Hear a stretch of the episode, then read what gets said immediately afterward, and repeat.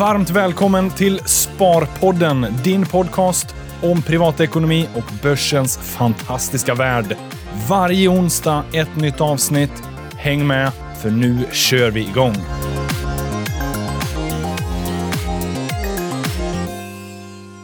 Då säger vi hjärtligt välkomna. Sparpodden, ännu ett avsnitt. Jag och Frida gästas idag av Ola Lauritsson. Välkommen hit! Stort tack, kul att vara här. Ja, Härligt. många känner säkert igen dig som GI-Ola.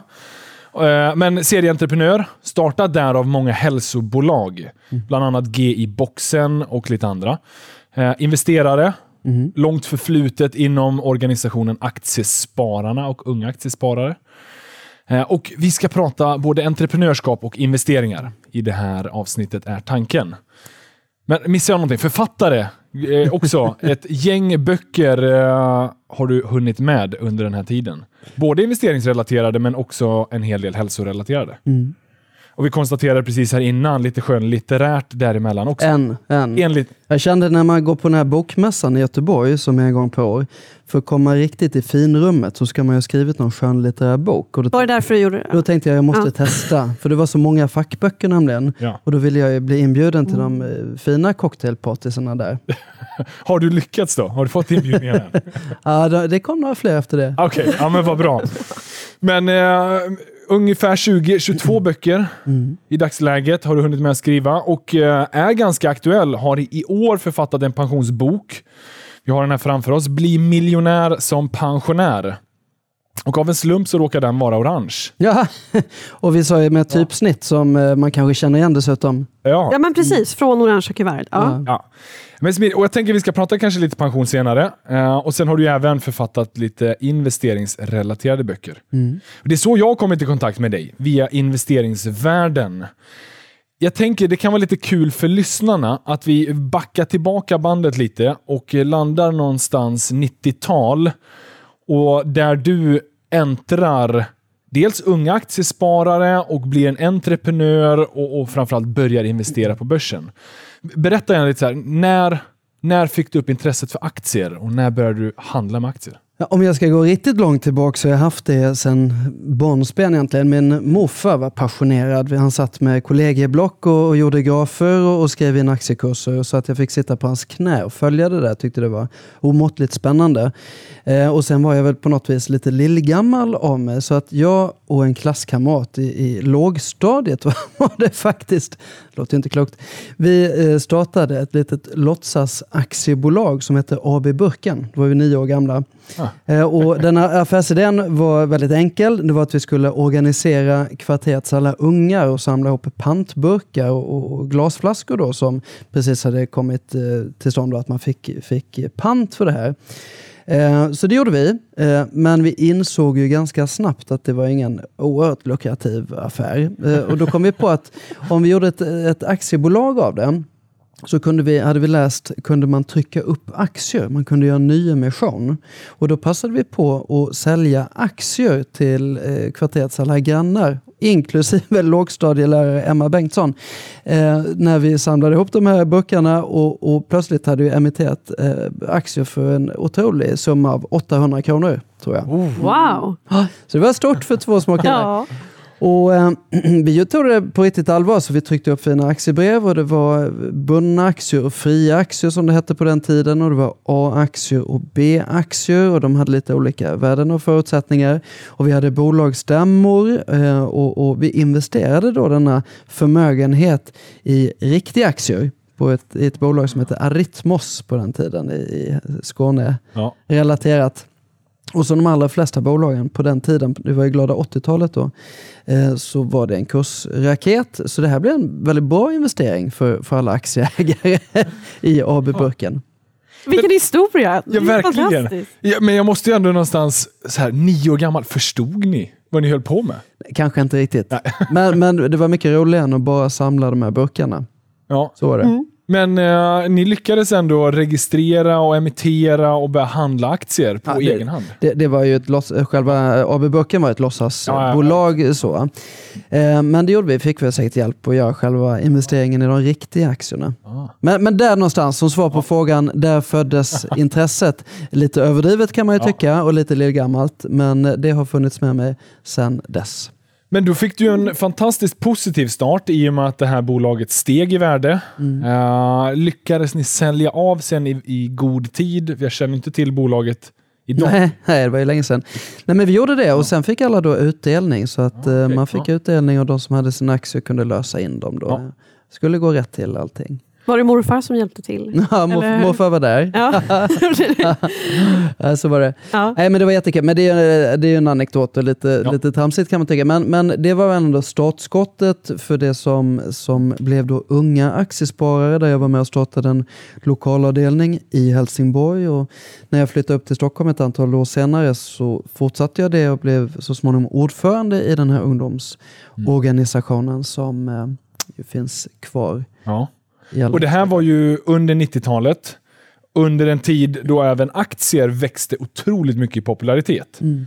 Så, här, vad minns du av den tiden och, och hur... Mm. Liksom, det var ju en, ett enormt intresse i, liksom, av aktier och aktiehandel och internet kom och alla skulle börja investera på börsen. Det, det var ju på mångt och mycket inte ett nyktert sätt att se på det i många lägen. Eh, men hur, hur upplevde du den tiden? Eh, för mig började det ändå med, med 80-talskraschen 87 som var förödande för många. Det är ju väldigt länge sedan nu. Sen kom ju 90-talskraschen som var den besvärligaste för alla. Det var precis då jag flyttade till Stockholm, började plugga. 92, Eh, 93? Ja, precis. Eh, Och det var en riktigt stökig period för de som minns det. Det är inte så många som gör det längre, men, men, men jag som då har blivit så gammal gör ju det. Eh, och det är någonstans på att ha med sig bagaget. För sen kom 90-talsyran och eh, IT-bubblan om jag får kalla det, eller dotcom, eh, dotcom-hysterin som jag i allra högsta grad var delaktig i då. För med det här intresset som jag hade sedan långt tillbaka så kände jag att med internets hjälp så kunde man gå ett steg längre just när det gällde nyemissioner, börsintroduktioner. Så jag startade eh, efter plugget, istället för att gå den vanliga vägen och bli, bli eh, inom bank och finans och konsulting som de flesta av mina kurskamrater gjorde, så startade jag ett företag som höll på just med det som heter epo.com. Och det var lite finurligt tyckte jag då. Det var en liten ordlek på IPO, Ja. börsintroduktion då på, på amerikanska. Så det här står för Electronic Public Offerings. Och affärsidén var att knyta samman Europas alla privatsparare, retail eh, investerare genom ett knapptryck eh, så att man kunde skicka ut information, man kunde teckna sig online. Eh, hela systemet skulle eh, automatiseras. Det här var ju fintech innan fintech-ordet var uppfunnet kan man säga. Och startade väl ungefär samtidigt med, med Nordnet och Avanza och flera andra. Eh, och innan dess så var hela den här processen manuell. Man skickade ut prospekt, det skulle fyllas i, det skulle skickas in. Det fanns till och med checkar på den tiden. Och det skulle fördelas och sen skulle clearing och settlement göra. Det var en enormt dyr och, lång och besvärlig process. Så med det här systemet så kunde man underlätta eh, hela proceduren avsevärt. Och inte bara i ett land, utan min vision var att nå miljontals investerare genom ett knapptryck. Aha. Det låter som en briljant affärsidé som var verkligen defin definierande för den tiden. För hur gick det sen? Nej, det var ju eh, otroligt många börsintroduktioner. Det var en enorm... För att, och det var också, alla visste att om man fick tilldelning med emissionerna så gick det ofta upp 10, 20, 30, 40 procent första dagarna. Så att det var en, eh, folk vallfärdade och verkligen eh, stod på kö för att komma in och, och vårt system växte explosionsartat. Och det höll på så fram till eh, mars 2000. Just det. För då vände det. Ja. Och det gick snabbt. Mm. Och det var då dotcom-bubblan brast, kan man väl säga i någon bemärkelse. Kanske inte över natten, men eh, över några veckor eller månader i alla fall. och hade det varit väldigt många som stod i dörren för att göra börsintroduktioner tidigare så var de plötsligt borta. Och alla de investerare som hade stått i kö för att Mm. få tilldelning var också som bortblåsta. Och det här drabbade oss enormt hårt. Och vi hade kontor eh, i fem länder och, och ganska stor organisation och dyra konsultorganisationer organisationer som hjälpte oss att bygga upp de här systemen mot bankerna och mycket annat. Så vi hamnar ju själva i en likvi- likviditetsknipa knipa, kan man säga. Och den lyckliga stjärnan, eller lyckliga till, tillfälligheten i, i det här fallet var att vi var uppvaktade av ett brittiskt bolag med det fantasifulla namnet EO istället för EPO. Alltså det var en karbonkopia av min egen verksamhet. Eh, men eh, de ville då köpa mitt bolag och gjorde det också så småningom. De prutade hårt för vi var lite trängda. Men under hösten 2000 så gick den här affären igenom till slut. Men skulle du säga då att du klarar dig lite grann, eller hur hårt slog det här mot dig privatekonomiskt? Eh, jag klarade mig så tillvida att vi fick ju betalt och fick ganska bra betalt. Mm. Men i en bunt aktier som ofta gjordes på den tiden. Mm. Istället, det var inte så att vi fick ett kuvert med, med kontanter precis eller en insättning eh, på mitt bankkonto. Utan jag blev då delägare till då en inflaterad kurs i det andra bolaget. Mm. Så att på pappret under en kort tid så var jag väldigt förmögen. Men ganska Ja. snart därefter så sjönk det ihop som en Mm. Katrin eh, Plommon soufflé ungefär. Då. Ehm, så att jag, jag hade allt och förlorade allt kan man säga. Men jag förlorade inte mer. Och det är viktigt, och vad jag menar med det, det är att många som var med i den, under den resan och gjorde liknande affärer, för att man handlade ju ofta med, med aktier, fick betalt i aktier. Enligt Skatteverkets sätt att se på det så gjorde man ju då en realiserad vinst och skulle betala skatt för det, även om man inte fick några pengar. Och, och i, i många fall så drabbades man ju väldigt hårt av det, Mm. därför det fanns ingenting att betala med. Eh, nu hade vi registrerat det här bolaget i England istället och det var det som i någon bemärkelse räddade mig från, från den Mm. obehagliga situationen. Mm. Så att det var en otroligt spännande eh, tid Mm. och väldigt turbulent. Alltså de sista, det var ju en, det, var, det var en hysterisk period faktiskt. Jag startade 98, vi hade ett värde på en halv miljard ungefär då. Nu- Det kom till med ett kontantbud, inte riktat mot mig men några andra då som vill köpa ut mindre aktieägare. Eh, och det var 50-tal eh, anställda i fem länder. Så det, det var en ganska stor apparat. Mm. Eh, och sen så var det den besvärliga tiden. Och jag var inte så värst gammal heller. Jag var, var, jag minns knappt hur gammal jag var. 24-25 när jag startade det här. Ehm, så att det var ju otroligt stress, stressig och, och besvärlig tid dessutom. Eh, gråter jag över att jag aldrig fick några pengar för det? Nej, jag kan inte säga att jag gör det riktigt för det var aldrig riktigt mina pengar från början. Det var ju lite låtsaspengar i någon bemärkelse. Men förstod du det där och då? En halv miljard i värdering. Det var ju, liksom misstolka mig rätt, men orimligt mycket och det var ju det som var den tiden. Ja, nej, men jag, nej, men jag, jag, eh, jag, jag, jag trodde det skulle bli mycket mer. Alltså, alltså så, så Bara ja, hjärntvättad var man ju då. Ja. Eh, Och inte bara jag, utan det var ju stora investerare i det här med Ja. Bank Boston och Marshall Wace och Catalyst och LVMH, franska lyxkonglomeratet och um, Ikea-sfären och flera andra då. Vilka så kunniga och experter på, på värdering och mycket annat som, som eh, i likhet med, med mig själv då trodde att det här var bara början på något jättestort. Ja. Men eh, har du någon gång känt att oh, jädrar vad jag kom ur det där lyckosamt? För som du sa, det hade lika väl kunnat drabba dig väldigt mycket mer hårt. Eh, och, och Vad är liksom lärdomarna som du tar med dig efter det där och som har definierat hur du sen har både agerat som entreprenör och investerare? Nej, men det är flera grejer. Den ena och kanske mest uppenbar det är likviditetssidan av det. Balansräkningen. Alltså det finns så många företag och entreprenörer inte minst som råkat illa ut. Inte för att affärsidén, viljan och energin är fel utan för att likviditeten har varit besvärlig. Och Man hamnar ofta i diskussioner med investerare och riskkapitalbolag som drar ut på tiden och i många fall inte blir av. Och Då är man trängd i ett hörn med, med byxorna nere. Eh, så det är kanske en av de viktigaste lärdomarna i det fallet. Mm.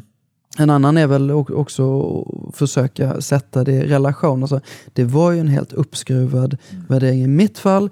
Eh, och jag var ju bara ett exempel av många andra som var eh, ännu mer eh, galna. Eh, Bo.com och det var ju Fanfab och allt vad de hette då.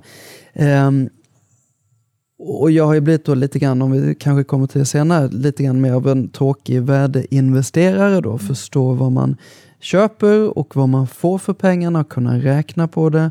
Jag undviker förhoppningsbolag själv i mina portföljer till största delen. Mm. Eh, så, så jag blev väl li, li, lite, lite luttrad Ja. eh, på, det, på det sättet. Så Upplever du, om du bara drar paralleller till senaste årens börsuppgång, upplever du, för som vi konstaterade tidigare så är det ju många som investerar på börsen nu som inte var med om den här tiden. Mm. Alltså upplever du att det finns en avsaknad av eh, att man är luttrad? Mm, ja, nej men det, det, absolut, det är ju uppskruvade värderingar i många fall. Ja. Eh, och orealistiska värderingar i Mm. många fall, tycker jag. Eh, och det räcker ju att gå till kända svenska musikstreamingbolag och annat, där man liksom otroligt svårt att rä- räkna hem det. Mm. Sen kan det vara fel, för man kan hitta andra affärsmöjligheter och intäktskällor framöver, men utifrån vad jag vet i alla fall, Mm. så är det helt omöjlig kalkyl.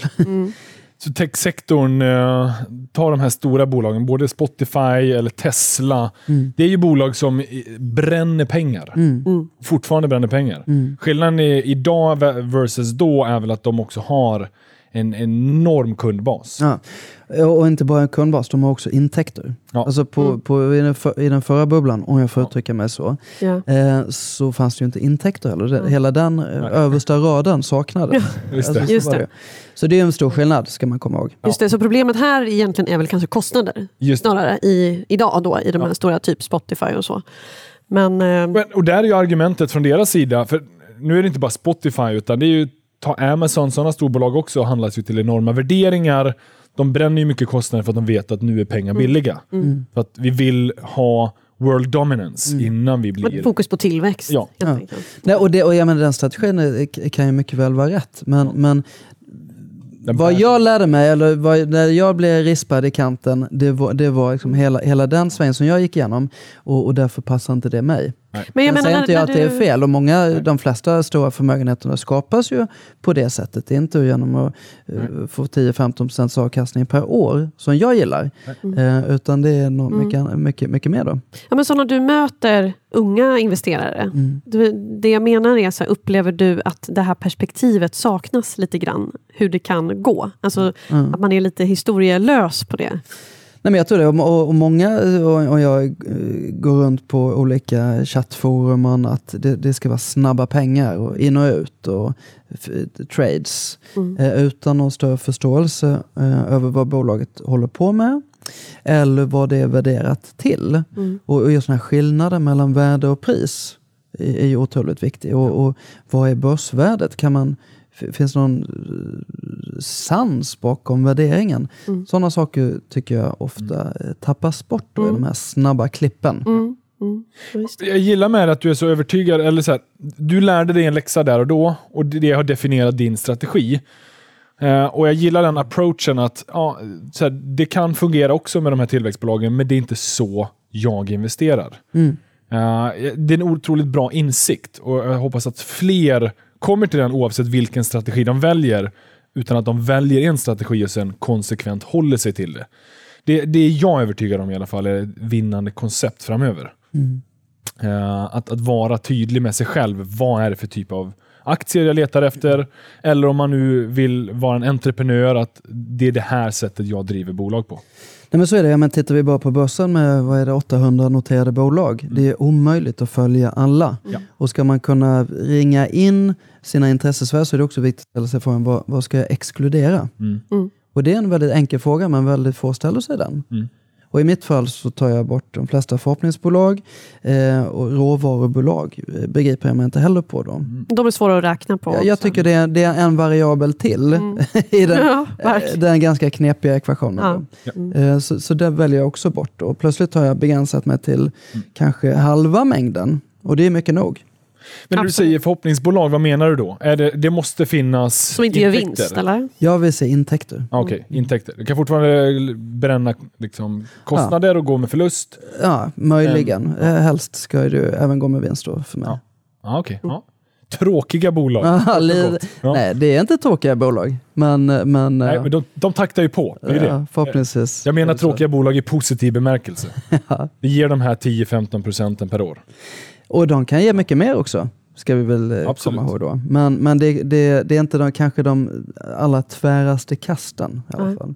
Och man ska ju komma ihåg att det är de bolagen utan intäkter och vinst som också cashar Mm. eh, obönhörligt Ja. hårt Mm. om det blir en sättning på marknaden. Vad är det du tittar efter? Är, alltså, är utdelningsnivå Ja. viktigt för dig och att det finns en tillväxt i utdelningen? Så, eller vad- eh, om vi pratar om min placeringsstrategi då, Mm. ursäkta mitt hacklande här, så, så har jag egentligen en, en portfölj, en strategi med tre portföljer som jag jobbar efter. Eh, och, och det är det som jag skriver om i min bok eller mina böcker också då. Det, och det är väldigt enkelt, men det är så jag jobbar och det passar väldigt många. Den första är väldigt enkel. Det är en mer en indexkramar-variant med ett månatligt sparande. Sätta av en, eh, några hundralappar eller en tusenlapp eller så mycket man mäktar med i en, eh, i en indexfond med ambitionen att, att, att klara index, varken mer eller mindre. Och där är de två viktiga bitarna. Det är att hitta en fond med låga eller inga avgifter. Eh, och att ha en månatlig överföring så att man liksom kan snitta ner sig och man tar bort viss konsumtion för att kunna investera det istället. Och, och, ja, vi vet alla den enkla strategin. Men den visar ju sig vara väldigt effektiv också. Och följer man bara den så slår man faktiskt 70-80% av alla som investerar i fonder och aktier. Och det ska man komma ihåg. För många så räcker den busenkla strategin extremt långt. Ja. Tycker man som jag då att man vill gå något steg längre så har jag min andra portfölj som jag kallar sedelpressen.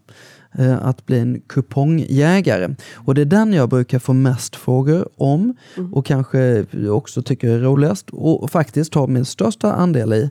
Och där tittar jag på direktavkastning, eh, vi- vilken avkastning man kan få då ut, utdelning i förhållande till kursen eh, och eh, stabilitet i bolagen. Så där är utgångspunkten kassaflödet i utdelningarna som kommer som ett sätt att som försörja mig själv som egen företagare så är det ett ganska smart sätt om man lägger det i en kapitalförsäkring eller ISK. Det är svårt att, att, att jämföra det med lön. Det här är i någon bemärkelse, man törs ju inte säga det, men lite skattesubventionerat mot inkomst och tjänst. jag ska kanske inte ta med det här, jag vet inte. Jo. så att det är herregud. höst. Nej, men det är det ju. Alltså, men det är ju så. eh, det, det, men det är ju hela poängen med både KF och ISK, att det ska vara låga skatter Mm. för att man vill subventionera sparande. Sen är det ju en trevlig bieffekt att man också kan få ut de här utdelningarna. Så där tittar jag på en portfölj som ger en 6-7% i avkastning varje år Och- och då så ser jag eventuell kursuppgång som en bonus på det. Okej, Och vad är viktigast? Är det en hög utdelningsnivå här och nu men att tillväxten i bolaget kanske är sisådär? Eller är det att det är en ganska hög tillväxt i bolaget och du tror på en, en utdelningstillväxt så att säga? Det är Framöver? både och. Jag gör en mix av de två bitarna. Ja. Ehm, så att dels tittar jag på utdelning här och nu och ställer det i relation till vinsten på aktier bara som någon form av sundhetskontroll. Att man inte delar ut mer än vad man tjänar, i alla fall för tillfället. Mm. Så det är bara som en quality check på något sätt. Ja. Och sen leta efter bolag som, som har varit duktiga och har en konsekvent utdelningstillväxt. Ja. Eh, Och då är ju ofta utdelningen direktavkastningen just nu något lägre, Mm. men kommer förhoppningsvis eh, att växa till sig och då Mm. matcha in i den här portföljen. Kan du nämna några exempel? Ja, nej, men jag, som, som exempel, dels har jag en del preferensaktier i den här portföljen, jag har vissa obligationer i den här. Om man har lite, lite större portfölj kan man jobba med det. Och sen så har jag vissa banker då som är väldigt lågt värderade i förhållande till utdelningen i alla fall. Väldigt hög direktavkastning nu. Ja, extremt. Sen Nordea 9 procent. Ja, över 10. Över både 10 Swedbank och. Nordea. Mm. Men där finns ju också en risk, bedömer jag i alla fall, att eh, så här, vi vet ännu inte vad konsekvenserna blir. Sen kanske de inte behöver sänka eller slopa utdelningen, men de är ju Det väldigt... finns ju en risk. det finns ju en risk i alla fall. Tittar man på Nordea just så är de ju uppe nästan på, på 95 procent av, av, av vinsten som de delar ut. Mm. Och då kan man känna att det kanske inte är hållbart. Mm. Men nu är direktavkastningen så hög så att även om de skulle sänka den 30 procent så är den fortfarande Mm. väldigt hög. Ja. Mm. Sen tittar jag, har jag haft en del fastighetsbolag som har vuxit till sig. Vissa industribolag som också har vuxit till sig. Mm. Där direktavkastningen kanske låg på 3% tidigare men nu är i, i mina ingångsvärden uppe på 7-8% och till och med Mm. mycket mer. Då. Och du nämnde 6-7 procent, det är där någonstans du vill. Där vill, Har jag, där vill jag ha det. Mm. Eh, och i mitt fall, och det rekommenderar jag med försiktighet då, men, men då har jag valt en portfölj som är så pass bred och balanserad, tycker jag själv, mellan olika branscher. Eh, att jag har kunnat belåna den också. Eh, så att få en turboeffekt. Så att Ja. de 6-7 procenten eh, dubblas då i, i avkastning kan man säga på, på equity. Då. Och du- Så du menar att du jobbar typ med 50% belåning, eller hur mycket belåning vågar du jobba med? Just, just i den portföljen har jag 50 Ah, okej. ja. Mm. Men då är det koncentrerat till den Det är delen bara av helheten? enbart den Ja. portföljen. Ska jag säga. Ja, men det är bra. Det är sunt. Mm. Så att i, i, i, i stora sammanhanget så är det betydligt mindre. Ja. Och då är man ju nyfiken på vad den tredje delen? Den tredje då avslutningsvis, det är spetsen på pyramiden, eller raketen som jag kallar bli stockpicker. Hitta guldkornen Ja. till, i, i din portfölj. Och där är det ju med då fokus på att hitta tillväxtbolagen.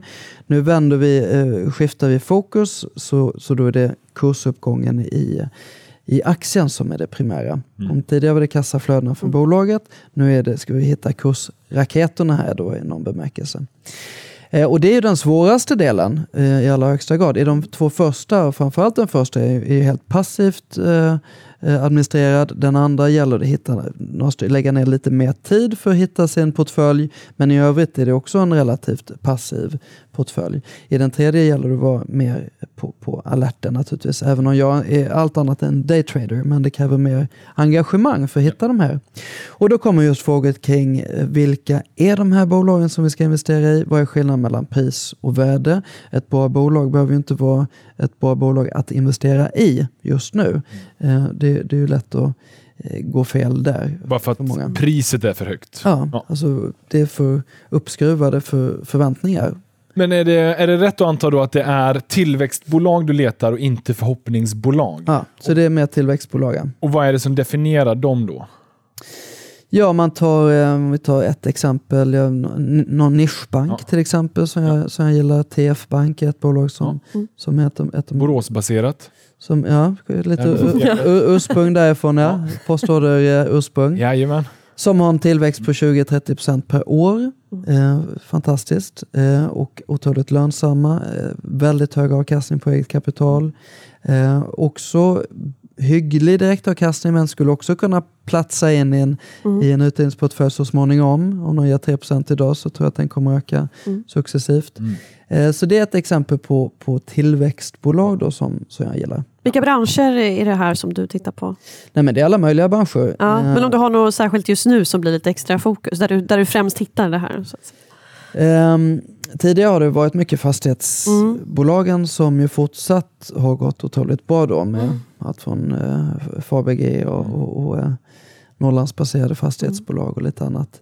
Eh, nischbankerna gillar jag som sagt. Mm. Eh, sen så har jag jag har faktiskt något förhoppningsbolag också ska jag säga i den, i den här portföljen. Ja, ja, precis, ja, jag, jag var tvungen att erkänna det här nu. Eh, och sen har jag eh, vissa, no, några bolag som har sån här roll-up-strategi. De, man investerar i, i andra bolag och köper till lite lägre multiplar och Mm. hux flux är de högre värderade bara för att de kommer in i ett annat sammanhang. I det här fallet tänker jag på något som heter Green Landscaping som Ah, okej, ja. har kontrakt för eh, markunderhåll och parkarbete Mm. i kommuner. En otroligt eh, fragmenterad bransch över hela landet. Mm. Men där man nu samlar styrkorna och konsoliderar den. Eh, och det tror jag är en Ja. bra affär.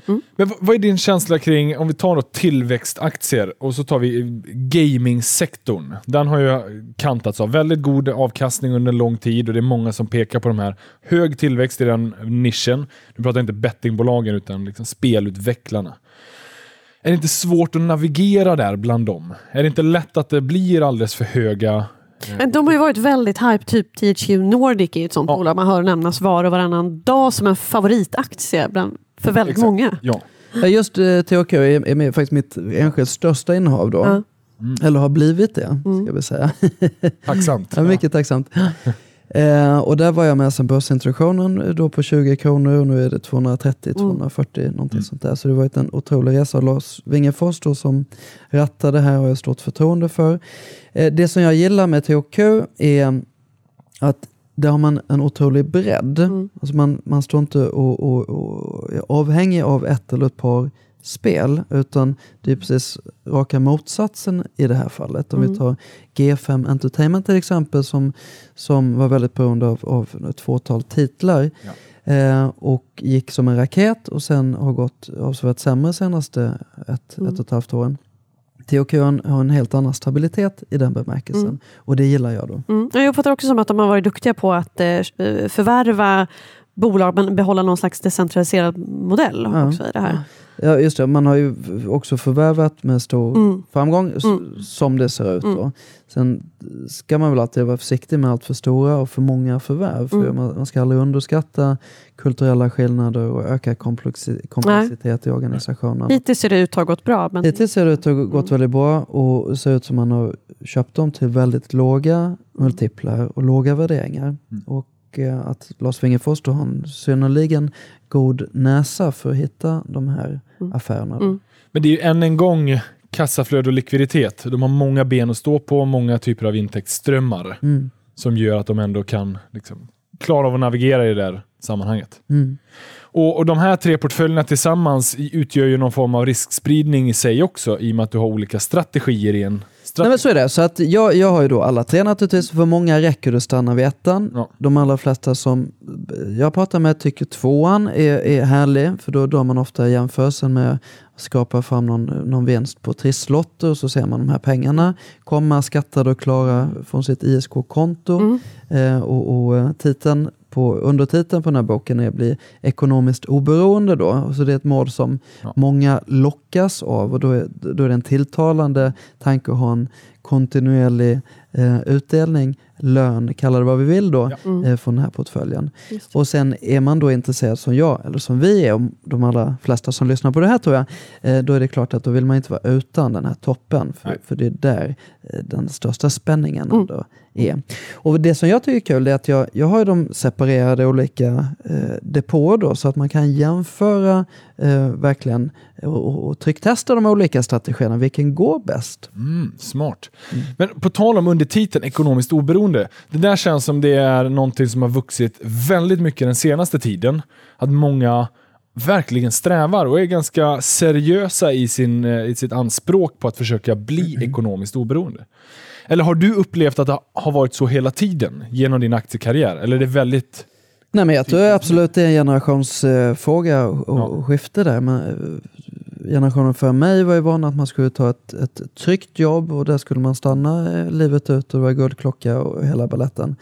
Eh, och det har ju verkligen förändrats. Och eh, millen, millennials nu, eller vad vi ska Ja. kalla det, har en helt annan syn. Eh, där man inte alls ser sig bekväm med kanske ens en fast anställning. Nej. Man vill vara fri, man vill leva livet på sina villkor. Eh, och, eh, och där krävs ju, alltså det är ju två element i ekonomiskt oberoende. Dels är det ju att ha en, någon form av eh, ekonomisk säkerhet och inkomst på något sätt som gör att man kan leva det liv man vill. Och sen är det utgiftssidan. Mm. Det är ju den andra eh, sidan av begreppet. Ja. Vad är mina utgifter och kostnad, kostnader? Och där kan man ju också får man ju välja en livsstil då eh, som kan funka i det begreppet. Ja. Och många väljer ju då att leva billigt för att kunna vara fri arbetsmässigt. Eh, andra vill eh, leva ett mer glamoröst liv och dyrare liv och då, då, kräver, det en, mycket intäkter. då kräver det mer Ja. intäkter. Ja. Då. Jag, Så jag är tänker det. lite grann, det här kanske är lite cyniskt, men om man tänker då exempelvis 4%-regeln som många i den här så kallade FIRE-rörelsen då går efter. Alltså den har ju växt fram under år av en bra börs. Mm. Alltså vi har ju haft en väldigt bra börs nu under många år. Det är ju egentligen då vi har sett det här växa fram. Vad händer om det här vänder? med alltså är, det, är det lite... Som sagt, jag kanske låter cynisk, men är det lite naivt att tro att det här ska kunna fortsätta år efter år? Nej men det kommer det inte göra. Eh, men, men många minns ju, nu är det över tio år sedan vi hade Lehman-kraschen då, 28, som ju ändå blev, den var ju djup och allvarlig, verkligen. Men den, den var ju rätt snabbt eh, övergången. Alltså det, det återhämtade sig snabbt. Så att, det, det är bara för att gå tillbaka till där vi började. Då, att Många saknar det perspektivet eh, och har inte varit med om det själv. Nej.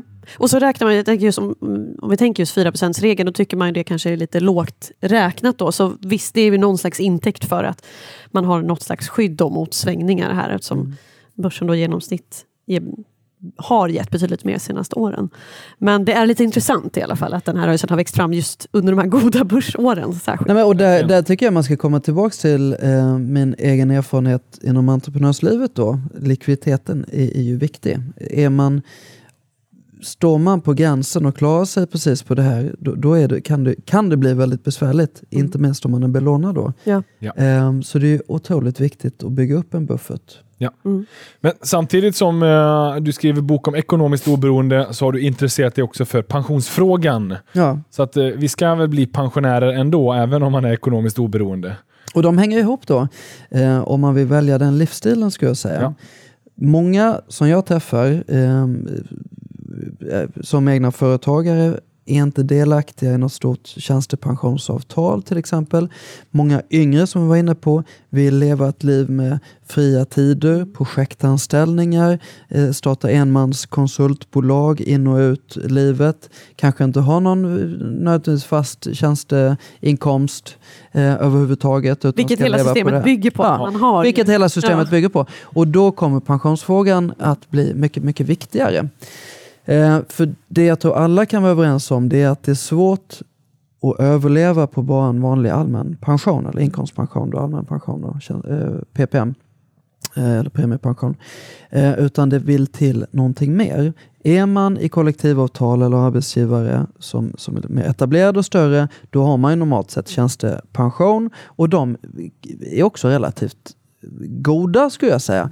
Eh, Den här pensions... eh, skräcken eller frustrationen som de allra flesta upplever är inte, är inte, är inte, behöver inte vara så för många. Tittar man i, i, på sin pensionsprognos i många fall så är den ganska hygglig. Mm. Och det vägs upp av tjänstepensionen. Den, den är ju en mycket stor och viktig del av det. Ja. Men för alla som då är utanför det systemet, eh, då är pensionsfrågan kolossalt Mm. angelägen. att Och man kan tänka sig på. att det är en växande del som det kanske är det jag är menar. utanför Det är så Ja, jag menar.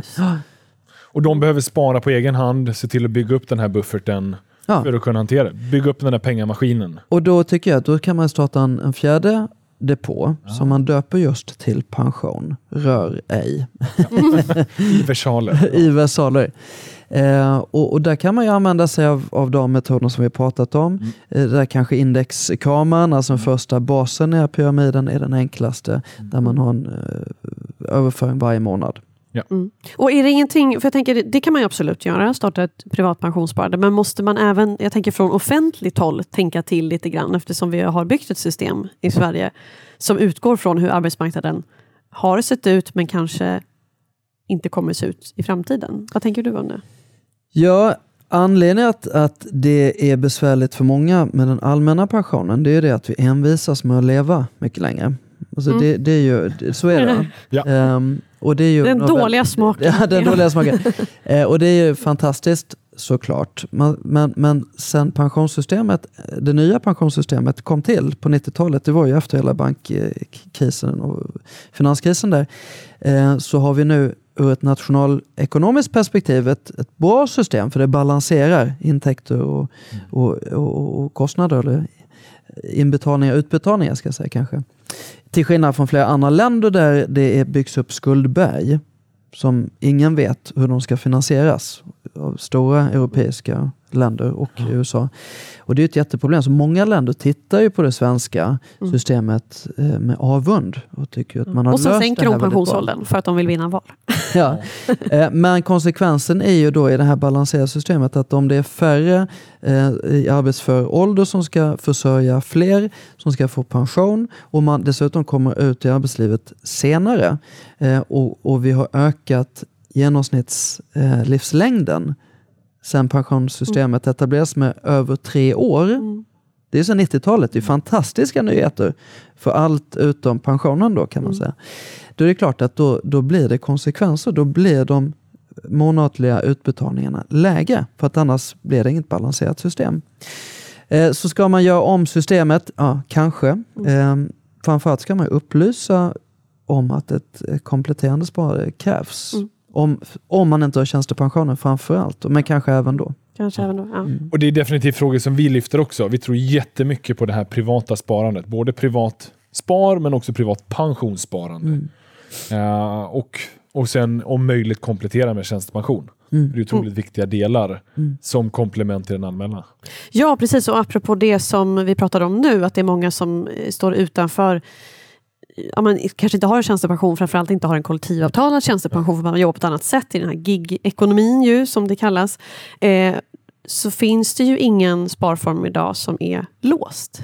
Alltså du sa att man skulle döpa det här kontot till pension rör ej. Det är ju inte alla som lyckas med Nej. det här. Att inte Och det är den stora utmaningen här. Eh, det, är, exakt, exakt det. Eh, risken är ju då att man hittar den där snygga bilen eller lyxsemestern eller eh, bröllopsfesten eller vad vet jag. Så naggar man i kanten där. Mm. Eh, det är den, st- den stora utmaningen här. Och vi hade ju en sån tidigare men togs ju bort då avdrag i och med att man tog bort avdragsrätten. Men låt bli, säger vi. Låt bli får man skriva på Ja. kontot och hoppas att man Nagga lyder inte. sig själv. Ja. Ola, jättekul att ha dig här. Otroligt intressant att höra både din resa och även dina strategier kring investeringar. Och jag är övertygad om att ni lyssnare har fått med er massa matnyttiga tips. Så att, jättekul att ha dig här. Får jag lägga till en sak då? Absolut. som jag tycker är viktig när det gäller pensionen då, Mm. är att man ska börja med att gå in och titta sin, på sin pensionsprognos till steg ett och sen ska man försöka göra, förbättra förutsättningarna för att den ska växa till sig. Många är låsta i dyra fonder, dyra depåer och pensionsförsäkringsbolag. Det var första steget som jag gjorde. Eh, Kan man spara 1-2% per år så gör det väldigt stor skillnad på lång sikt. Så är det verkligen. Gå in och jämför. Flytta pensioner. Och hoppas att man får flytta och att det inte kostar för mycket. Det är frågor som vi driver Ja. mycket. Också just för att det är ju som, precis som du säger, det går att, att skapa, alltså det går att förbättra förutsättningarna Ja. otroligt mycket genom att flytta där man får bra villkor. Och vill man läsa mer om dina tips så är boken Bli miljonär som pensionär. Tre, eh, med 10 steg som maxar din pension. Det Och ser ut som ett orange kuvert, så man kan titta efter det. ja, den är ganska enkel. Och sen kommer du med en uppdaterad. Eller Ja, precis. upplaga. Eh, Den här aktieboken som vi pratade om, Ja. eh, som heter just aktier, har sålt åt väldigt stort intresse. Så den har tryckts många, eh, flera gånger faktiskt. Och nu kommer det in en ny eh, omarbetad utgåva eh, med samma titel med lite annat omslag som då dessutom har lite bonuskapitel om the magic formula och en del annat som kan vara en strategi för att hitta aktier till toppen på den här investeringspyramiden. Det låter spännande. Och det här kommer senare under 2019. Efter sommaren, Efter sommaren. Perfekt. Då har vi någonting att se fram emot. eller hur? Än en gång Ola, stort tack för att du kunde komma hit till Sparpodden. Kul att vara här, tack. Tackar.